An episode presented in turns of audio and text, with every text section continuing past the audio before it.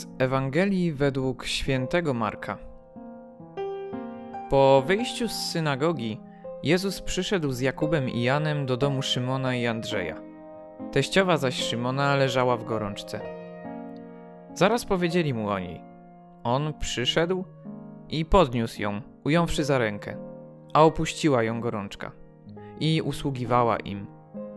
Z nastaniem wieczora, gdy słońce zaszło, przynieśli do niego wszystkich chorych i opętanych. I całe miasto zebrało się u drzwi. Uzdrowił wielu dotkniętych rozmaitymi chorobami i wiele złych duchów wyrzucił, lecz nie pozwalał złym duchom mówić, ponieważ go znały.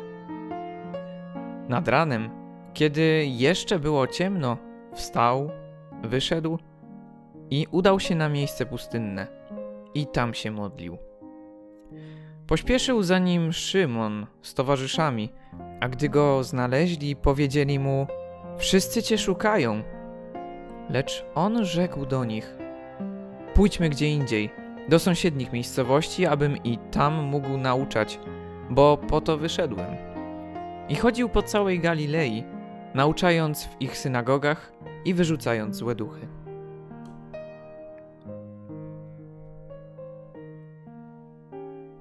Budzisz się rano, jesz śniadanie i już żona albo mąż coś mówi, że trzeba dziś zrobić to czy tamto. Dzieci albo brat czy siostra chce się pobawić, chcą coś z tobą porobić. Dostajesz wiadomości na Facebooku od znajomych, czy wieczorem możemy się spotkać. Włączasz telewizję i słyszysz, jak to na świecie jest źle, jakie to kryzysy i problemy się dzieją że trzeba coś z nimi zrobić. Idziesz do pracy, na studia, do szkoły, a tam dla odmiany znowu ludzie. Dużo ludzi. Znajomych, kolegów z pracy, szef, wykładowca, nauczyciel. Wracasz do domu i bez chwili wytchnienia spotykasz się z kolejnymi osobami. Odwiedzają cię dziadkowie, teściowie, znajomi, sąsiedzi. Wieczorem coś dzieci chcą jeszcze do szkoły porobić, rodzeństwo się pobawić. Musisz jeszcze jakiś projekt na studia, do szkoły, do pracy zrobić. Hm. W dzisiejszej Ewangelii słyszymy historię Jezusa, który też żyje w takim wielkim natłoku spotkań z człowiekiem, z uczniami, w synagodze, w domu Szymona i Andrzeja, z teściową Szymona, z chorymi i opętanymi z ludźmi z całej Galilei. Jest jednak jeden taki moment w tej perykopie, który powinien zwrócić naszą uwagę. Kiedy to Pan udaje się na pustynię, aby tam się modlić.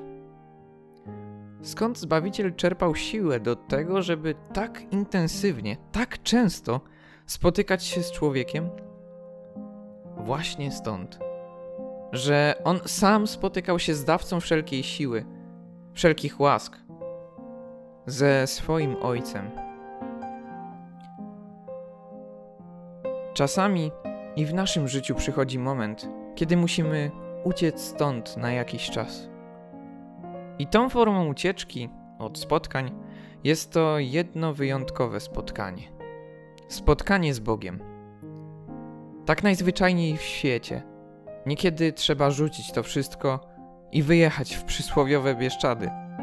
Trzeba znaleźć czas na to spotkanie, które nie męczy, ale buduje, które nie odbiera sił, ale je dodaje, nie pogrąża nas, ale ciągnie ku lepszemu.